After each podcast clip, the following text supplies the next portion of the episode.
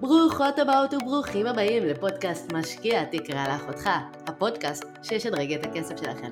אני אורה אריאל, האופטימית, ולאחר שעשיתי מהפך מחוסר ידע טוטאלי בתחום הפיננסי לעצמאות כלכלית, אני רוצה לעזור גם לך לעשות את זה. אני רוצה להוקיר אותך על כך שהחלטת לקדם את עצמך כלכלית ולהאזין לפודקאסט שלי. ולכן אני מזמינה אותך ואותך להיכנס לחנות האופטימית ולהזין קוד קופון פודקאסט באנגלית ולקבל 25% הנחה על כל המוצרים הדיגיטליים באתר מתנה ממני. עכשיו, בואו נדבר על כסף. היי, שלום לכולן, היום יש לכם זכות גדולה לשמוע שתי ג'ינג'יות מדברות על נושא שמלחיץ רבים, אבל אנחנו מבטיחות שנהפוך אותו להרבה יותר קליל וכיפי. איתי נמצאת הילה לוי, בעלת בלוג הלייפסטייל בשם טלטלים, ויותר חשוב, הבלוג שנקרא פנסיה בסטילטו, שמנגיש את עולם הפנסיה האפור בצורה צבעונית ואפילו מהנה.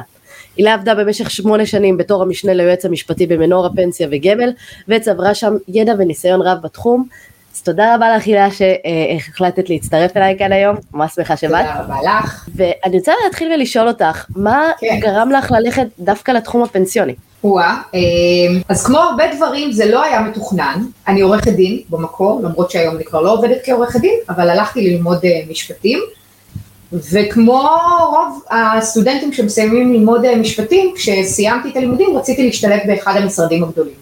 אמ-המ. וזה אכן מה שקרה. אה, השתלבתי באחד המשרדי ה top 10, ועבדתי מצאת החמה עד צאת הנשמה, כמו ש... כמו שעורכי דין יודעים. כמו שנהוג במשרדים האלה, אני אגב רוצה להאמין שהיום זה כבר לא ככה, אה, כי אני עוד שייכת לדור שהיינו עושים מה שאומרים לנו, היום יש דור ה-Y ובטח דור ה-Z הם פחות ממושמעים בקטע הכי טוב שיש, רוצה לקוות בשבילם, ואולי גם בשביל האנושות. שהם יותר, יודעים יותר אה, להציב גבולות, אבל אחרי שנתיים כאלה פשוט התפרקתי. הייתי מותשת, לא יכולתי להמשיך יותר, באמת אה, הגוף שלי פשוט קרס. והתחלתי לחפש אה, כיוונים אחרים. אמרתי, אני לא רוצה לעזוב את המקצוע, אבל אני כן רוצה למצוא משהו שה-life work balance הוא יותר נכון. עכשיו, התחום הפנסיוני היה רחוק ממני לגמרי, אבל מישהי שהכרתי בעבודה, ועברה אחר כך בעצמה למנור מבטחים פנסיה וגמל, והיא עבדה שם בלשכה המשפטית, היא עברה ל... היא הייתה לקראת רילוקיישן בגלל העבודה של בעלה הברית, והיא, והיא הציעה לי לבוא ולהחליף אותה. עכשיו אמרתי, מה הפנסיה? מה לי ולדבר הזה? והיא הבטיחה לי, אמרה לי, תקשיבי, אני גם חשבתי כמוך, את תופתעי כמה שהעולם הזה מרתק. הרבה יותר ממה שזה נדמה לך. עכשיו, אה, אני לא יכולה להגיד ששמחתי עליה, אבל הייתי מוכנה באותה נקודת זמן לנסות כל דבר שהוא יותר מאוזן מבחינת אה, אה, שעות עבודה. ו, ובעצם ככה הגעתי, הגעתי שם ללשכה המשפטית, אה, התראיינתי אצל אה, היועץ המשפטי שהיום הוא גם מנכ"ל החברה, שהוא אדם מאוד מאוד מעניין ומרתק, ויש המון מה ללמוד ממנו, לא רק בעולם הפנסיוני. וזהו, וככה פשוט השתלבתי שם. ובאמת גיליתי עולם קסום ונפלא, בעצם גם עולם החיסכון הפנסיוני וגם עולם שוק ההון היו רחוקים ממני, ולמרות שחיסכון פנסיוני הוא שונה מהעולם שבו את אה, עוסקת, הלוגיקה היא דומה, יש אמנם גם את האלמנטים הביטוחיים, אבל הלוגיקה היא דומה. ובעצם דרך העולם הזה גם נהייתי ג'אנקית של שוק ההון, כאילו פתאום התחלתי לצרוך וליהנות גם מתכנים שקשורים לשוק ההון פרופר. והלכתי ללמוד תואר שני במנהל עסקים, והתמחיתי, למדתי מימון, ו, ובעצם המשכתי גם את המסלול הזה. אה, ולמרות שהיום אני כבר לא עובדת אה, בנוער מבטחים, ובאופן כללי עברתי להיות עצמאית בתחומי התוכן, אני עדיין ג'אנקית מאוד מאוד חזקה של העולם הזה. אני יכולה להבין אותך, כאילו לפחות לגבי שוק ההון, אבל עדיין פנסיה, אמרת שגילית שזה עולם מרתק פתאום. בואי, נכון. חייבת להרחיב על זה. הוא משלב שני דברים שהם נורא נורא מעניינים, וברגע שמבינים אותם, אז אפשר להבין כמעט הכל, כלומר, כמעט הכל ב, ב, ב, בתחומים האלה שמנהלים את החיים שלנו. מצד אחד הוא משלב עקרונות מאוד מאוד חשובים במימון, כי בעצם פנסיה זה החיסכון הכי ארוך שלנו, יותר ממשכנתה אפילו. אנחנו נכנסים לשוק העבודה, וזהו, ומעכשיו החיסכון שלנו מתחיל. אז להבין אותו זה להבין המון המון אלמנטים שהם נורא חשובים בעולמות המימון, כמו למשל הכוח של הריבית וריבית. הוא הופך להיות מאוד מאוד משמעותי כשאנחנו מדברים על חיסכון של 30 שנה. פתאום מבינים את הדבר העצום הזה ומבינים למה איינשטיין קרא לזה אה, הפלא השמיני בתבל. נכון, פתאום רואה את המספרים האלה בטווח של 30 שנה ומבינה איזה אלכימיה מטורפת זאת, איך הכסף כאילו פתאום מצמיח עוד כסף. אז זה דבר אחד. עכשיו, הדבר השני הוא בתוך זה באמת האלמנט הביטוחי, שמבחינה הזאת הוא באמת שונה מעולמות אה, שוק ההון, והעניין האקטוארי, שזה עוד עניין שבאמת נכנס. והופך את המוצר הזה מצד אחד להרבה יותר מורכב וגם מרתיע פסיכולוגית. שנייה, את אומרת אה, העולם האקטוארי, נכון. את, מתחילה לקלל, ואת זה אף אחד פה לא, לא אוהבת לשמוע, אז... אה, נכון, צריך שלוק מהקפה לפני שנכנסים ל, ל, למונח הזה. אז אנחנו ניכנס אליו קצת יותר בהמשך. אה, אני רוצה לשאול קצת, בסוף את פתחת בלוג שנקרא פנסיה על סטילטו. פנסיה וסטילטו, נכון, זה לא, זה לא כל כך בסוף, זה עוד היה תוך כדי שעבדתי במבטחים.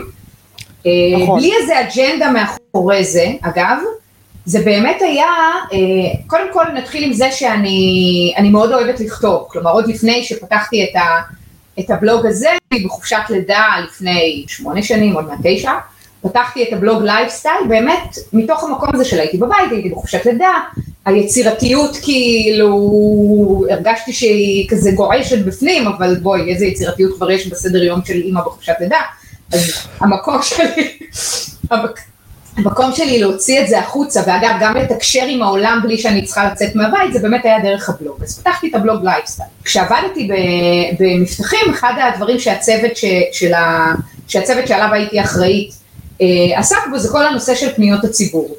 ו, וזה כן עורר בי איזשהו רצון לקחת את הידע שיש לי, עם האהבה שלי לכתיבה שהיא קלילה, ולקחת את הנושאים החשובים והכבדים האלה, ולהנגיש אותם בצורה שיותר קלילה וכיפית. אה, ומהמקום הזה באמת פתחתי את פנסיה בסטילטו, אה, שכל המראה שלו והעיצוב שלו לקחתי באמת מעולמות הלייפסטייל, כדי שיראה פחות מאיים. יש לי חברה שאמרה לי, תקשיבי, העובדה שכל הכותרות בצבע ורוד פוקסיה כבר גורמות לי להרגיש יותר רגועה כשאני נכנסת לקרוא את הבלוג. וזה באמת מה שעמד מאחורי זה, לקחת כל פעם איזה חלק קטן מהעולם הזה שהוא באמת אינסופי, ואי אפשר להיכנס אליו בבור כי, כי זה באמת קצת מרתיע, ולכתוב עליו. ולכתוב עליו בצורה נגישה, בצורה קלילה, וככה לאט לאט לחלק את, ה, את הידע הזה. זה, זה מדהים כי באמת היום אני נכנסת אה, לקרוא על פנסיה על כאלה, ואפילו לי שאני מבינה את המונחים, ואני מכירה את זה, וזה, זה, זה בסוף בדרך כלל כתוב בשפה כל כך יבשה, וכל כך משעבבת, וכל כך מרגיש לא רלוונטי לחיים, שזה ממש כן. כיף לקרוא את, את הדברים שאת כותבת, שזה באמת מקשר לחיי יום יום שלי, מסביר לי מה אני יכולה לעשות, מה האפשרויות, בשפה קצת יותר נעימה לקריאה, וזה באמת אה, משהו שהוא מאוד חשוב וחסר, ואני חושבת שאולי זה אחת הסיבות שהרבה אנשים מפחדים לכל מה שקשור לפנסיה, וזה נשמע להם כמו קללה והכל. וזה אחד הדברים ש, אה, שאת עושה היום כדי לשנות את זה. אה, רציתי לשאול, למה לדעתך בכלל אנשים כל כך מפחדים מהעולם הזה, ואיך אפשר ש... לשנות את זה? אני חושבת שהסיבה היא כפולה. קודם כל, אנחנו, הפנסיה מפגישה אותנו עם האזורים בחיים שאנחנו לא רוצים לחשוב עליהם. כי בעצם מתי אנחנו נזדקק לפנסיה שלנו? כשנהיה זקנים? כשנהיה נכים? חס וחלילה לא עלינו, אלמנים ואלמנות. אלה האזורים שהפנסיה פתאום אנחנו נזדקק לה, ובואי, מי רוצה לחשוב על זה? אז קודם כל כבר יש איזושהי רתיעה פסיכולוגית מזה שהמקום הזה של הפנסיה הוא מקומות, בחיים, באזור, הם האזורים בחיים שלנו שלא בא לנו לחשוב עליהם. אז אני חושבת שזה החסם הראשון. והחסם השני הוא כי זה באמת עולם מורכב, זה עולם מורכב כי הוא מביא את מורכבויות של המון עולמות אחרים ומחבר אותם ביחד. עולם הביטוח בנפרד הוא מורכב, עולם נכון. שוק ההון בנפרד הוא מורכב, אקטואריה בנפרד זה מורכב, פנסיה זה שלושת הדברים האלה ביחד. רגע, רגע, אז את אומרת שפנסיה וביטוח קשורים אחד לשני? פנסיה זה בעצם שילוב, להבין פנסיה זה בעצם שילוב של להבין את שוק ההון, כי בעצם הכסף שלנו בפנסיה הוא כסף שמושקע בשוק ההון, והבחירות שנעשה בתוך החיסכון הפנסיוני שלנו, במידה רבה יכתיבו את גובה הפנסיה שלנו. נכון. אה, אז קודם כל העניין הזה של שוק ההון, שזה גם להבין את הכוח של הריבית דריבית, וגם לדעת לפי הגיל שלי, לפי כמות הנכסים הנוספים שיש לי והיכולת שלי להיחשף לעוד סיכונים, וגם המבנה האישיותי שלי, איזה הרכב לבריאות, זה כי אמרתי מבנה אישיותי או כי אמרתי אקטואריה? זה כי זה חילופי עונות עכשיו. אז, אז הדבר הראשון זה שוק ההון באמת, שזה משהו שאת גם כן מכירה את החסמים של אנשים מלהיכנס אליו. נכון. עכשיו לצד זה תוסיפי גם את עולם הביטוח, שהוא מספיק מורכב גם ככה, כי יש פה גם ביטוח של אה, מה שנקרא ביטוחי שאירים וגם ביטוח נכות, ואקטואריה, שזה כל הנושא של גיל פרישה, מתי נפרוש, איך זה משפיע על הפנסיה שלנו. אז כל אחד מהמרכיבים האלה הוא המרכיב שאם אנחנו באמת רוצים להבין מה קורה שם בפנסיה ואיך אנחנו יכולות ויכולים להשפיע היום כדי שתהיה לנו פנסיה גבוהה יותר בעתיד, אז אין מה לעשות, צריך לצלול ברמה כזאת או אחרת לכל אחד, למשולש הזה של שוק הון, ביטוח, אקטואריה. כן, יכולה להבין לגמרי איך זה למה זה מרתיע? מצד שני, אני רוצה לדבר על הצד השני, כן, זה יכול להיות מרתיע, זה עולם מורכב, בהחלט, אבל מצד שני, את עבדת בתחום, את קצת יודעת את הנתונים, אני למען האמת פגשתי אותך אז במפגש נכון, שעשיתם זה שסיפר על. הנתונים. ומה הנתונים שאת מכירה על פנסיות שיהיה לאנשים היום ביחס לשכר שלהם? מה הסיכוי של מישהי שעובדת כשכירה כל החיים ומפרישה לפנסיה באופן עקבי, להיות מסוגלת ב- לחיות בגיל הפרישה מההכנסות מהפנסיה שלה? נכון, אז קודם כל זו שאלה מצוינת, כי אני חושבת שהרבה אנשים לא מבינים עד כמה המעבר מהקרנות פנסיה הוותיקות שנסגרו למצטרפים חדשים ב-95 והמעבר למה שנקרא פנסיה צוברת, עד כמה הוא בעצם פגע בקצבאות שלנו. עכשיו הסיבה שהוא פגע בקצבאות שלנו זה לא כי רוצים לדפוק אותנו, אלא כי כשפתחו את קרנות הפנסיה הוותיקות בשנות החמישים, אף אחד לא עשה חישוב אקטוארי לראות האם הדבר הזה, האם המודל הזה יכול להחזיק. ופשוט הבטיחו, אני, שנות החמישים, מדינת ישראל הייתה מאוד מאוד סוציאליסטית בתפיסה, רצו המון ידיים עובדות, מה עשו? הבטיחו לכולם 70 אחוז אה, בפרישה. האם יהיה מודל כלכלי שיצליח לעמוד בזה? אף אחד לא עשה את החישובים האלה, והתשובה היא שברור שלא. המדינה כמעט אה, הבינה שהיא הולכת להגיע לפשיטת רגל ועצרה את הדבר הזה. אז התשובה היא שמה שנקרא שיעור התחלופה, כלומר היחס בין גובה הפנסיה לבין גובה השכר שהיה לנו לפני הפנסיה, אז שיעור התחלופה מאוד השתנה לרעת העובדים ברגע שהפנסיה הפכה להיות פנסיה צוברת.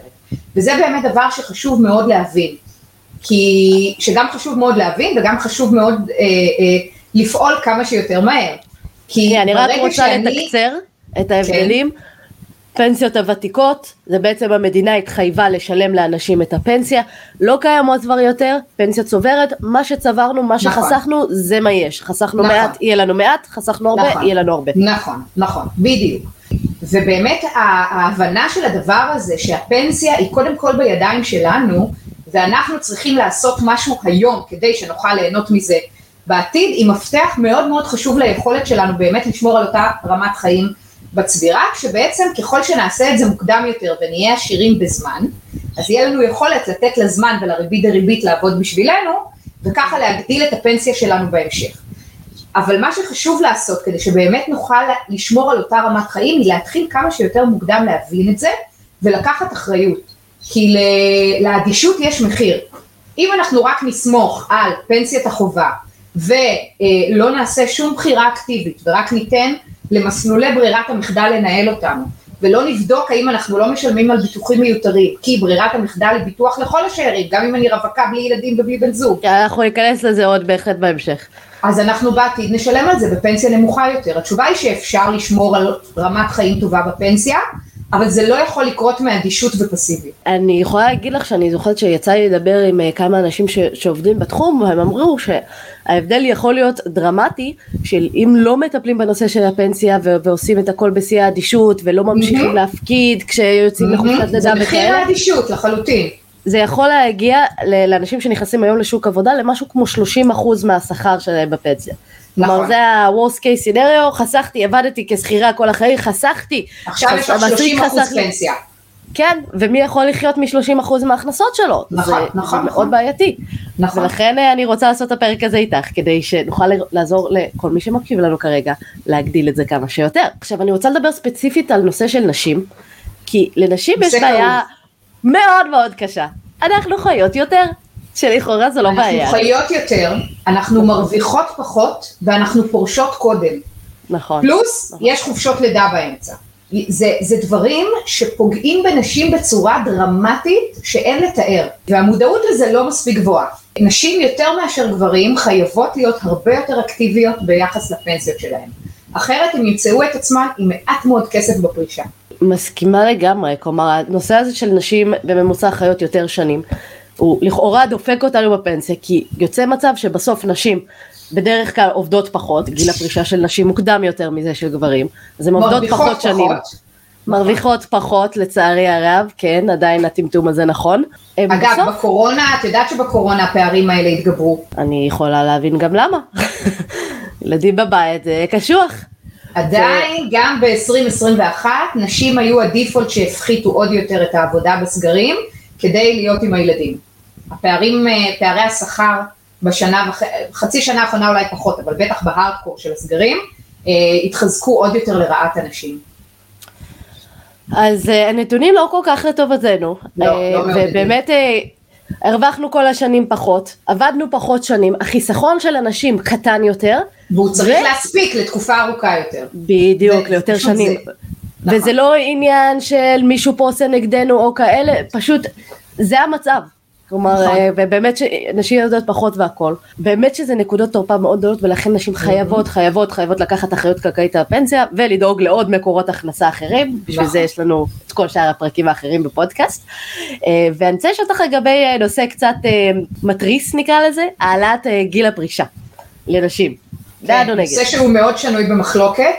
אני אישית בעד משתי סיבות. קודם כל כלכלית. בדיוק מהסיבות שדיברנו קודם. אם אנחנו רוצות פנסיה גבוהה יותר, פנסיה חודשית גבוהה יותר, אז הצבירה צריכה להתחלק על פני פחות שנים. זה מתמטיקה טהורה, אין פה אפילו עניין של אה, אה, לשחק עם מספרים. אז הדבר הראשון, אם אנחנו רוצות ליהנות מפנסיה גבוהה יותר, צריך לחלק אותה על תקופה קצרה יותר. ברגע שמעלים את גיל הפרישה, אז הרווחנו פעמיים. מצד אחד, יש לנו עוד כמה חודשי או שנות עבודה, שבהן אנחנו ממשיכות לעבוד ולהפריש, והחיסכון שלנו הולך ועולה. מצד שני, אותו חיסכון, ברגע שנפרוש לפנסיה, יתחלק על פני פחות חודשים, מה שאומר שגובה הקצבה החודשי יהיה גבוה יותר. הדבר השני הוא יותר, נקרא לו פילוסופי חברתי. אני חושבת שכשמדברים על שוויון בין גברים ונשים, זה לא יכול להיות רק שוויון בזכויות, זה, ו, זה, ולצד זה יש גם שוויון, נקרא לזה, בחובות. למרות שאני לא אוהבת את השימוש במילה חובה, כי אני חושבת שגם לעבוד וליצור ולתרום ולהתפרנס זאת זכות. אבל הרבה כן מתייחסים לזה, בטח בקרב המתנגדים, מתייחסים לזה כאל סוג של חובה. אבל שוויון, אם אנחנו מדברות על שוויון בין גברים ונשים, למה שלא יהיה שוויון גם בגיל הפרישה מעבודה? אגב, שוויון אמיתי צריך ללכת בכלל לפי תוחלת חיים ממוצעת, אין היגיון הרי בזה שנשים יחיו יותר ויעבדו קודם. אז אני חלילה לא אומרת, אה, תנו לנשים לפרוש בגיל עוד יותר מאוחר מגברים, אבל לפחות להשוות את זה. אני חושבת שזה נכון גם במאבק הפמיניסטי שמדבר על שוויון. אני, אני האמת, למען האמת מסכימה איתך, אני כן, אני חושבת שגם לגברים צריך להעלות את גיל הפרישה היום, לא רק... אה, בטח, גיל זה... הפרישה אגב נקבע כשתוחלת החיים הממוצעת הייתה פחות מ-60, כן? צריך לזכור את זה. אז אה, מאוד, אה, והיום גיל, התוחלת חיים הממוצעת היא באזור 80. נכון, הניחו שרוב האנשים לא יגיעו אליה פשוט. נכון. עכשיו, אני טוענת, הגישה שלי היא, זה נכון, צריך להעלות את uh, גיל הפרישה חד משמעית, זה, זה מאוד בעייתי, אבל במקביל, אי אפשר לעשות רק את זה, במקביל צריך גם לדאוג שתהיה תעסוקה בגילאים האלה, כי אחת הבעיות הכי גדולות. זה נושא אחר לגמרי, אגב, לא רק לנשים. נכון, יש נכון. יש ענפים שלמים ש... שעובדים ועובדות, נפלטים בגיל נורא צעיר, כי הם נחשבים לא רלוונטיים. אגב, דווקא בענף הפנסיה שבו עבדתי, שם היה הרבה מאוד כבוד לניסיון של, אה, לניסיון ההולך ומצטבר של עובדים ועובדות, והיה תמיד ביקוש, בטח כאלה שעוד הכירו את עולם הביטוחי מנהלים של פעם, והקרנות הוותיקות, וגם ידעו, ידעו, ידעו להבין את ההבדלים והניואנסים, אז זה דווקא עולם שמאוד אה, אה, נתן כבוד לידע ולניסיון, אבל אנחנו יודעים שיש ענפים שלמים שבגיל 45 אתה כבר הופך להיות זקן. בואי, אני עבדתי בעולם ההייטק, כאילו הייתי שם עשור, ובאמת, אלוהים ישמור, אנשים מעל גיל 40 כבר מפחדים לעזוב את מקום העבודה כי יכול להיות שלא יוכלו למצוא כן. כי הם כבר מבוגרים מדי. להעלות את גיל הפרישה חייב להגיע יחד עם תוכנית להעסקה בגיל בטח. מבוגר כי אחרת אתם יצרתם, עשיתם יותר נזק מאשר תועלת נכון, ורק מנעתם מאנשים נכון, לקבל נכון, את הכספים נכון, שלהם. נכון, נכון. אז אוקיי, בואי נדבר קצת uh, תכלס. מה חשוב לשאול את עצמנו ולבדוק לפני שאנחנו בוחרות uh, מוצר פנסיוני? אנחנו אוקיי. יושבות פתאום עם הסוכן בעבודה והוא בא ומתחיל לקלל אותי, מה זה לקלל, ואני לא יודעת מה הוא רוצה, אז מה אני חייבת לשאול ולבדוק? אז קודם כל, הדבר הראשון הוא באמת, אה, אה, והכי קל, ואני חושבת שהנושא גם הכי מדובר, הוא דמי ניהול, כי בסופו של דבר דמי ניהול זה משהו שנורא נורא קל לנו להשוות, ואנחנו לא צריכים להיות מומחים ומומחות, ומומחיות גדולות בפנסיה, כדי לדעת שיש מקומות שיש דמי ניהול נמוכים יותר, ויש מקומות שיש דמי ניהול גבוהים יותר. עכשיו גם דמי ניהול זה יכול ללכת ולהסתבך, כי דמי ניהול מורכבים משני רכיבים, יש דמי ניהול מההפקדה החודשית שגובים ממני כל חודש, ויש דמי ניהול מהצבירה. כשהיחס ביניהם הולך ומשתנה, ככל ששנות החיסכון שלנו הולכות וגדלות. כלומר, אם אני בתחילת הדרך, יכול להיות שאני אעדיף מתווה שמציע לי בשלב ראשון דמי ניהול מאוד מאוד נמוכים מההפקדה החודשית, ודמי ניהול גבוהים יותר מהצבירה, כי עוד אין לי כל כך צבירה, רק התחלתי. מצד שני, ההפקדה החודשית שלי כרגע היא מה שיוצרת לי את הצבירה. אז עדיף לי שיהיה אה, כמה שפחות ממנה.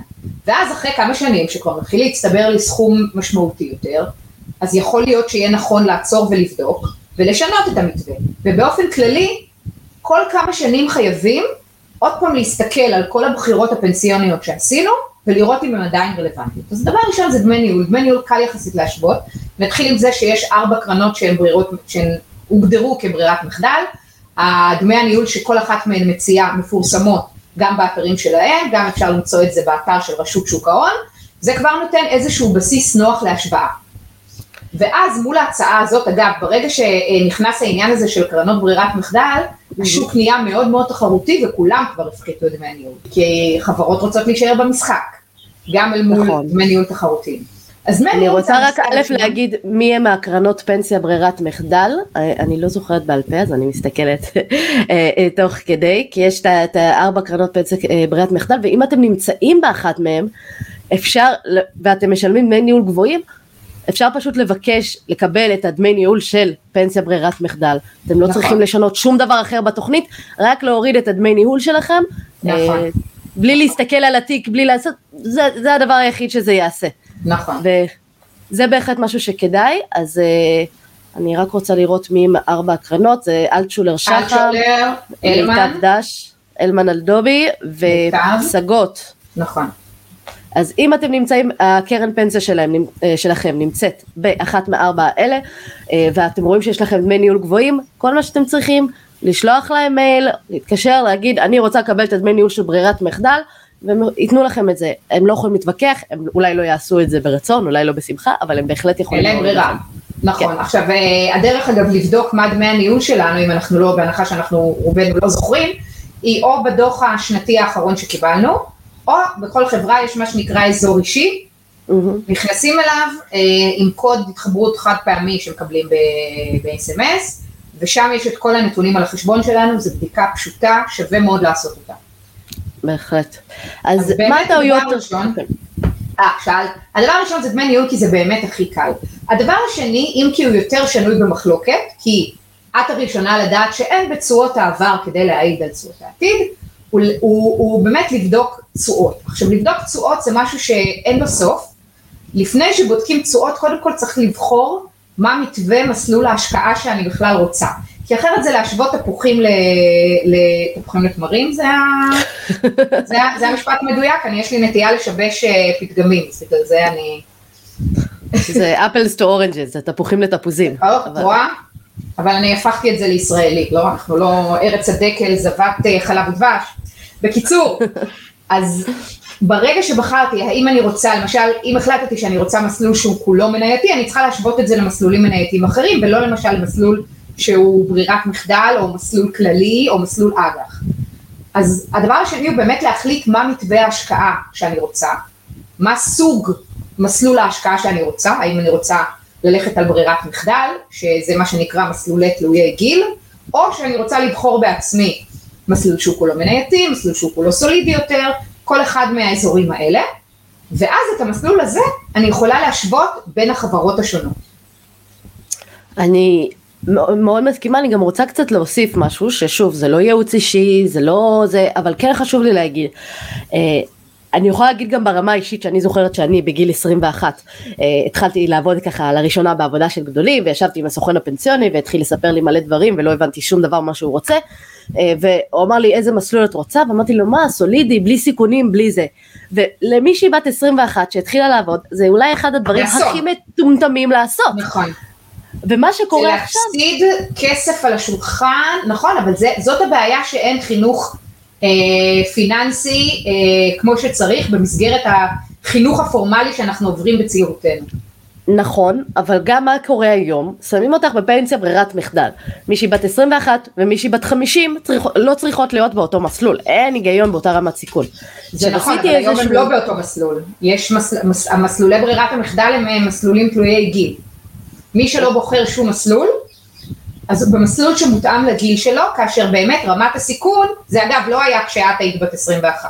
נכון. זה, זה משהו של השנים האחרונות, המודל הצ'יליאני. וככל שהגיל עולה, אז הוא לא צריך לעשות שום פעולה אקטיבית, אלא באמת מפחיתים, מעבירים אותו באופן אוטומטי למסלולים שהם אה, השקעה נמוכה יותר במניות. ועדיין, גם מישהי בת 21, גם המסלול ברירה, הוא, הוא אמנם יותר מוטה מניות, אבל זה עדיין לא כמו מסלול שהוא כל כולו מניות. אז אני אומרת, גם בתוך, אני למשל, היום, ואני בת 21, אני כבר 20 שנה לא, ואני לא בתוך מסלול לברירת המחדל, אני חילקתי בעצמי את ה... אפשר אגב לחלק, כן? לא חייבים להיות במסלול אחד, אפשר לחלק בכמה מסלולי השקעה.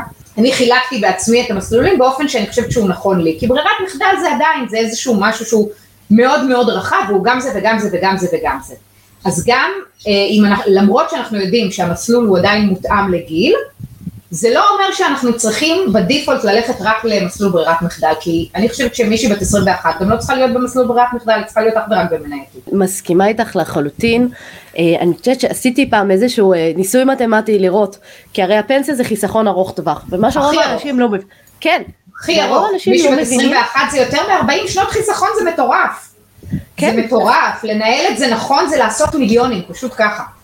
זה מטורף ואני הסתכלתי קצת על ההבדלים בין מה המסלול סולידי שעושה באזור ה-2-3% בשנה או מסלול מנייתי שעושה בממוצע כאילו 7% בשנה וגם פה לקחתי כאילו מספר מאוד נמוך. 7% בשנה זה הלכת לנמוך של הנמוך של הנמוך. נכון, הערכה הכי סולידית.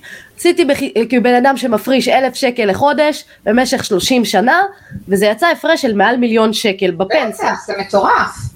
וזה מה שמטורף, ומה שהרבה לא מבינים כשהם יושבים עם סוחרי הביטוח ובוחרים מסלול ואומר כן אולי תהיו קצת סולידיים, אולי תיקחו קצת יותר סיכונים, פתאום, זה בכלל החלוקה הזאת לסולידי וסיכון, זה כאילו למה שאני אקח סיכון, אבל לא בדיוק. לא מבינים ששוק לא ההון. לא יודעים להסביר מה זה סיכון, וזאת הבעיה. אם היו, קוראים לזה סולידי שסיכון... ומנייתי, זה היה אחרת.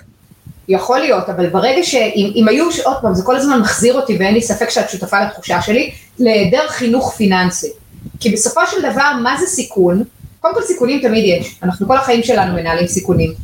את החלטת, כשהחלטת לנסוע למקסיקו עם אה, ילד בן שנתיים, גם כן לקחת סיכון. כשהחלטת איפה לשים אותו, גם כן ניהלת סיכונים. אנחנו כל הזמן מנהלים סיכון. ברגע שמתייחסים לסיכון כאל פונקציה של, כאל משהו להשוות אליו, או כאל פונקציה של זמן ולא פשוט קוראים לו מסוכן, אז כבר מורידים משהו מההתייחסות הפסיכולוגית להשקעות במסלולים כאלה. אפשר להתייחס לזה כתנודתי, לא תנודתי, אבל יש משהו באמת במילה סיכון שהוא כבר דופק את המוצר. אני, אני לגמרי איתך, אני חושבת שזה באמת מאוד בעייתי כי דווקא בעיניי הרבה יותר מסוכן להיות סולידיים בטווח הארוך ודווקא כשאתם, ככל שאתם יותר ברור, שנים אתה תחיה בסוף עם פנסיה שלא מספיקה לך, יש נכון, סיכון. יותר גדול מזה? חד משמעית.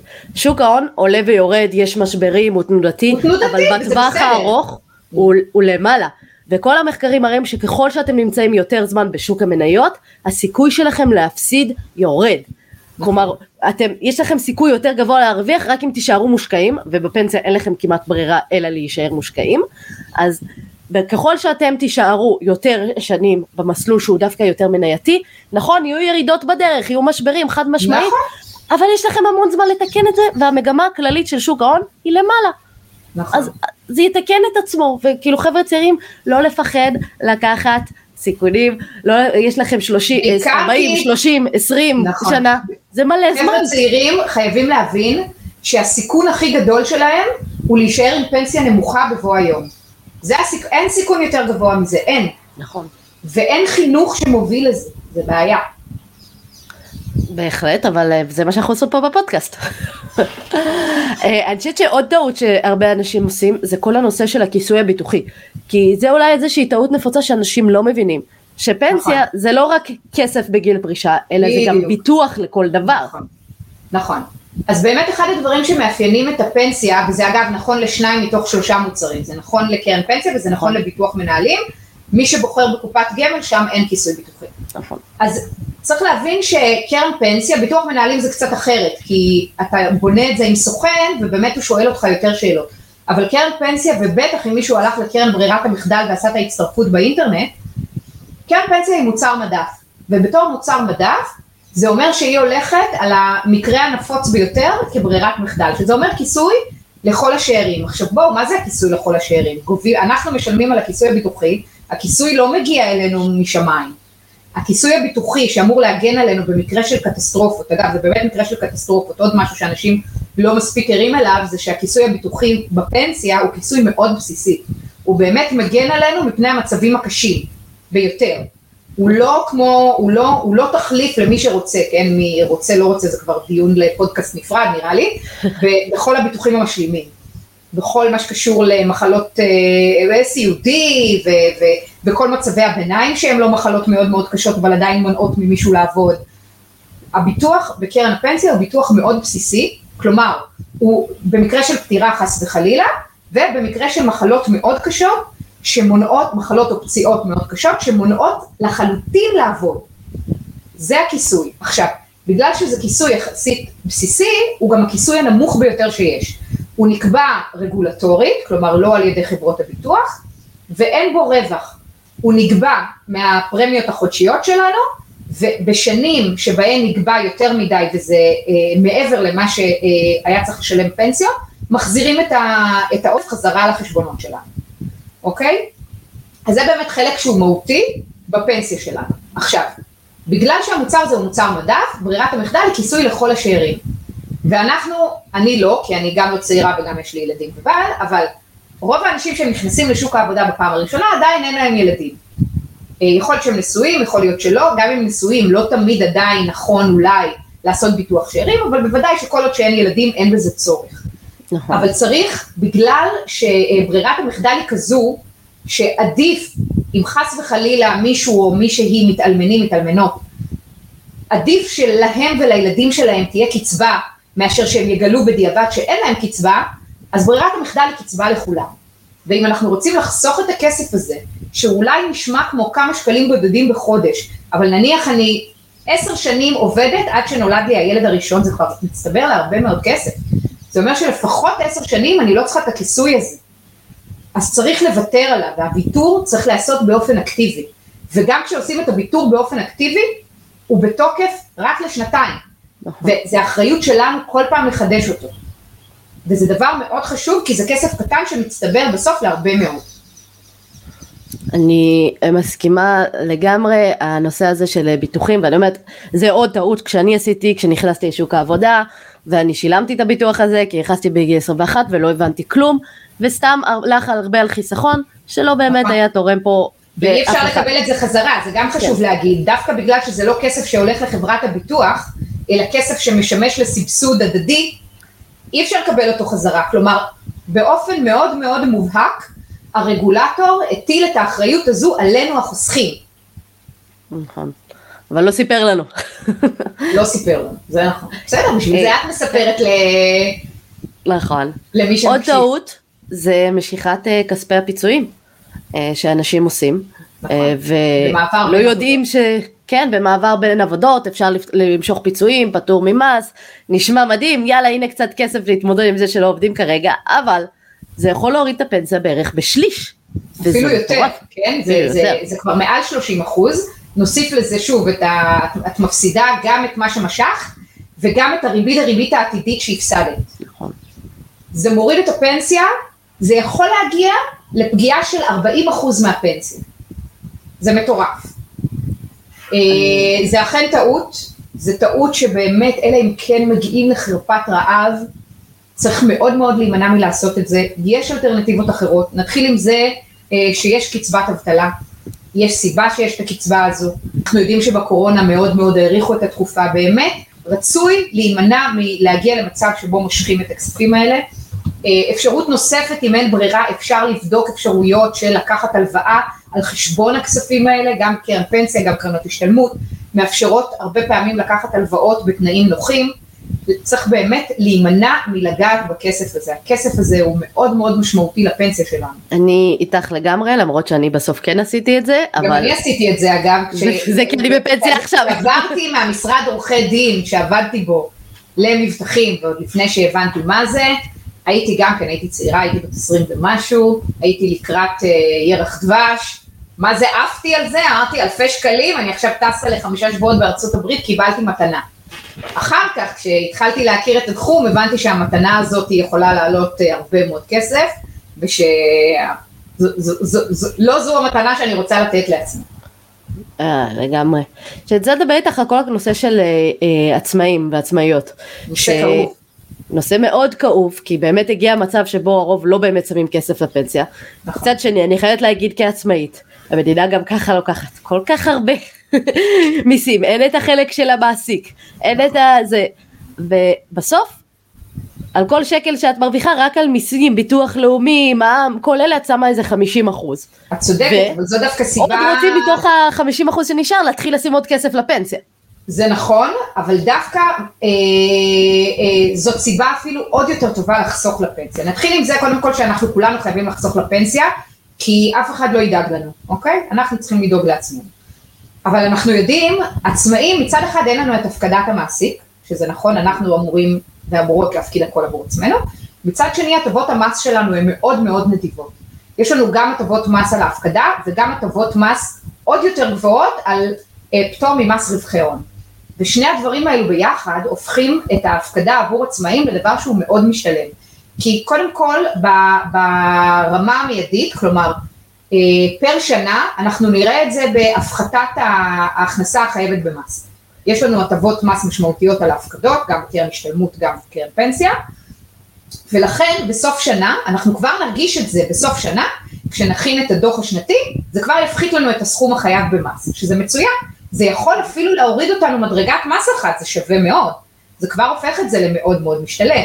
חוץ מזה יש לנו את הפטור ממס רווחי הון, בקרן השתלמות הפטור ממס רווחי הון לעצמאים הוא גבוה יותר מאשר הפטור ממס רווחי הון לשכירים.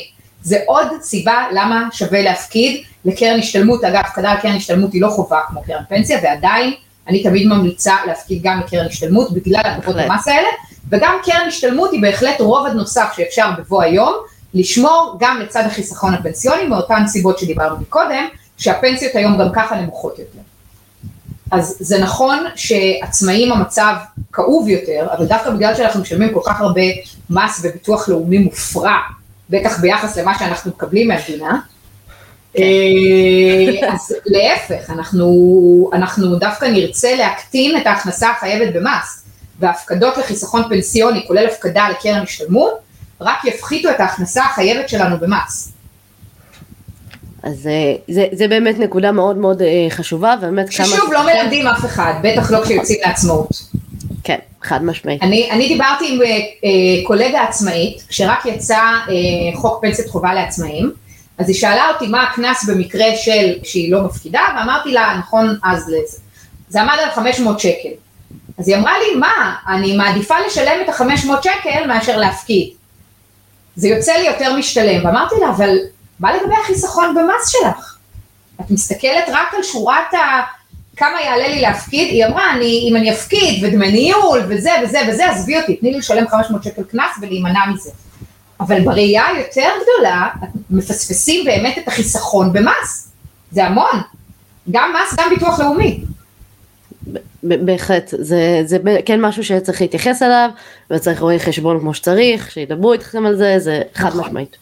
עכשיו, אם כבר אנחנו נכנסות לעולם שלך כעצמאית, תוך כדי העבודה בעולם הפנסיוני את פתחת את הבלוג לייפסטייל, את אמרת מקודם נכון. שעשית אותו תוך כדי שהיית אה, בכלל בחופשת נכון. לידה, חופשת לידה במרכאות כן, אה?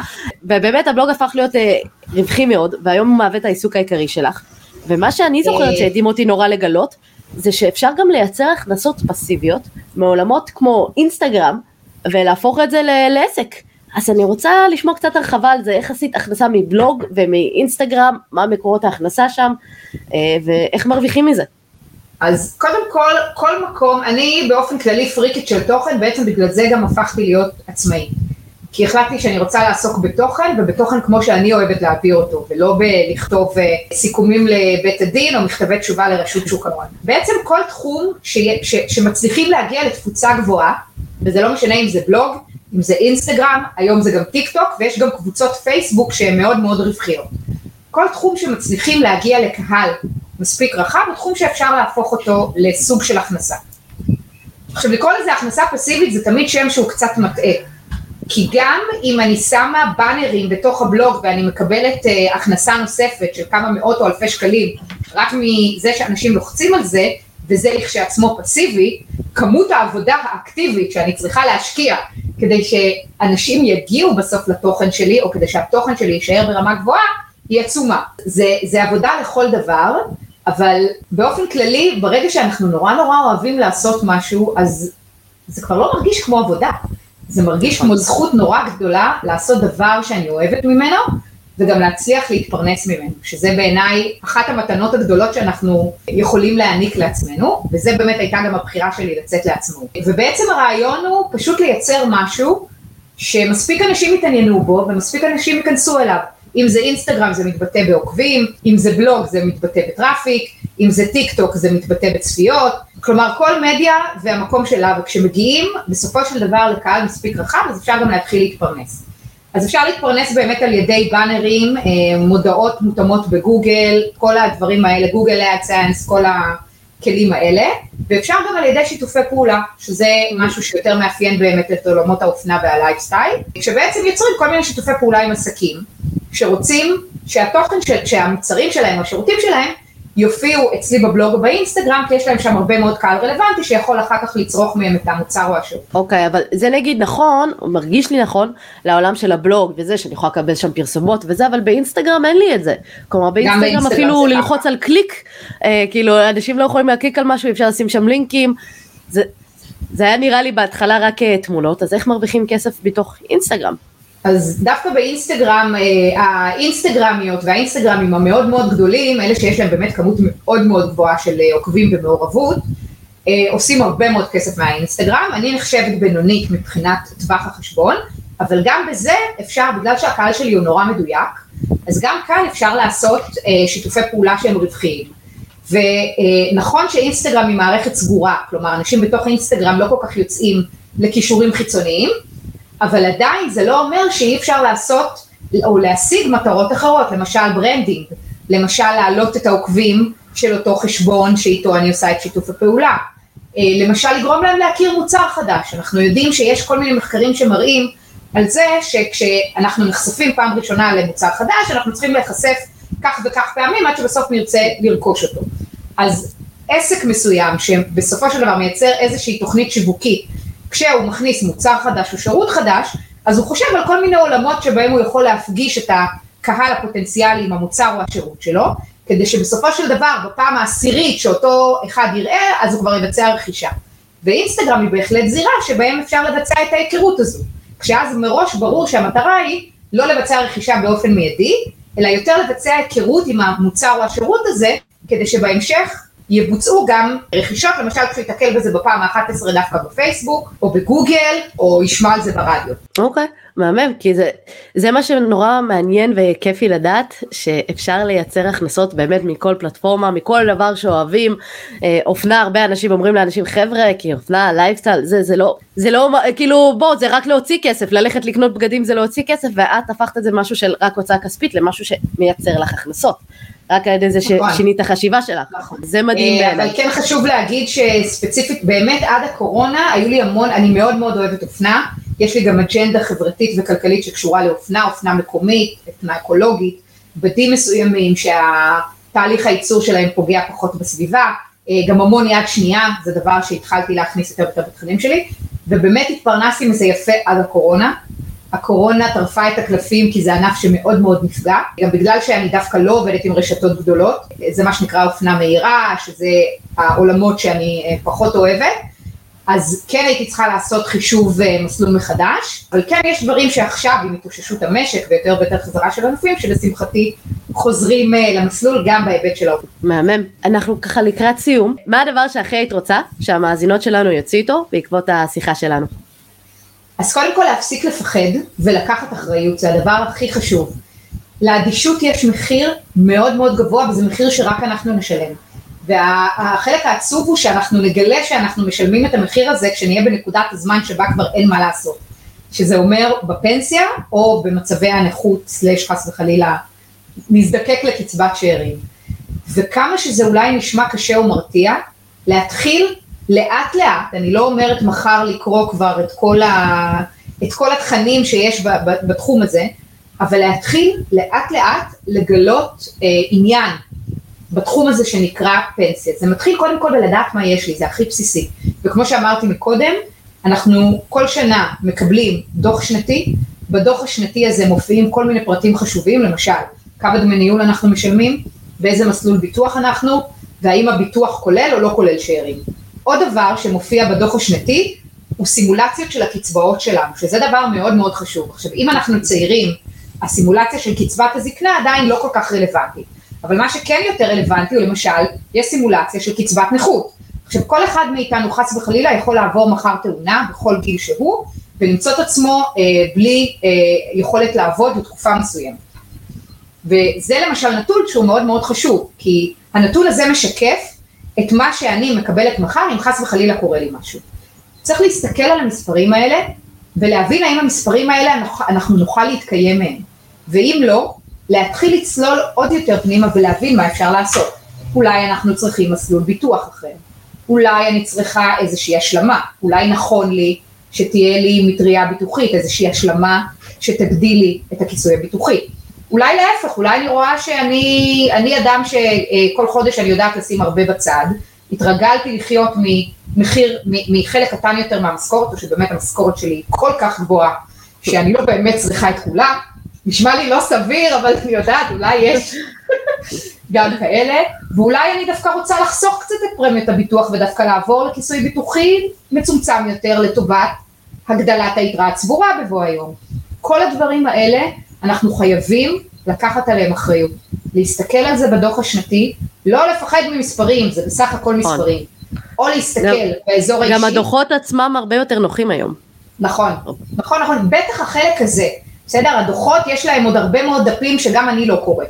אבל העמודים הראשונים הם באמת, הם עמודים פשוטים, זה טבלה, היא משקפת מה שיש לנו היום, וזה צריך להיות נקודת המוצא שלנו, להתחיל להבין מה יש לנו, האם זה מתאים לנו, ומה אנחנו יכולים לשנות. מעולה. האמת מסכימה עם כל מה שאמרת כרגע, אנחנו באמת צריכים וצריכות לקחת יותר ויותר אחריות על הפנסיה, זה החיסכון הכי גדול שיש לנו בעתיד, לא הגיוני שנעשה את זה כשאין לנו מושג מה אנחנו עושים, נכון. לא הגיוני שתעשו את זה כמו שאני עשיתי את זה בגיל 21, זה לא היה נכון, כן. נכון, זה עלה לי הרבה מאוד כסף וחבל, כאילו אפשר להרוויח באמת הרבה יותר, זה, זה באמת הפרשים של רק לחקור כמה שעות ללמוד, יכול להיות שווה לכם מיליוני שקלים בפנסיה. נכון.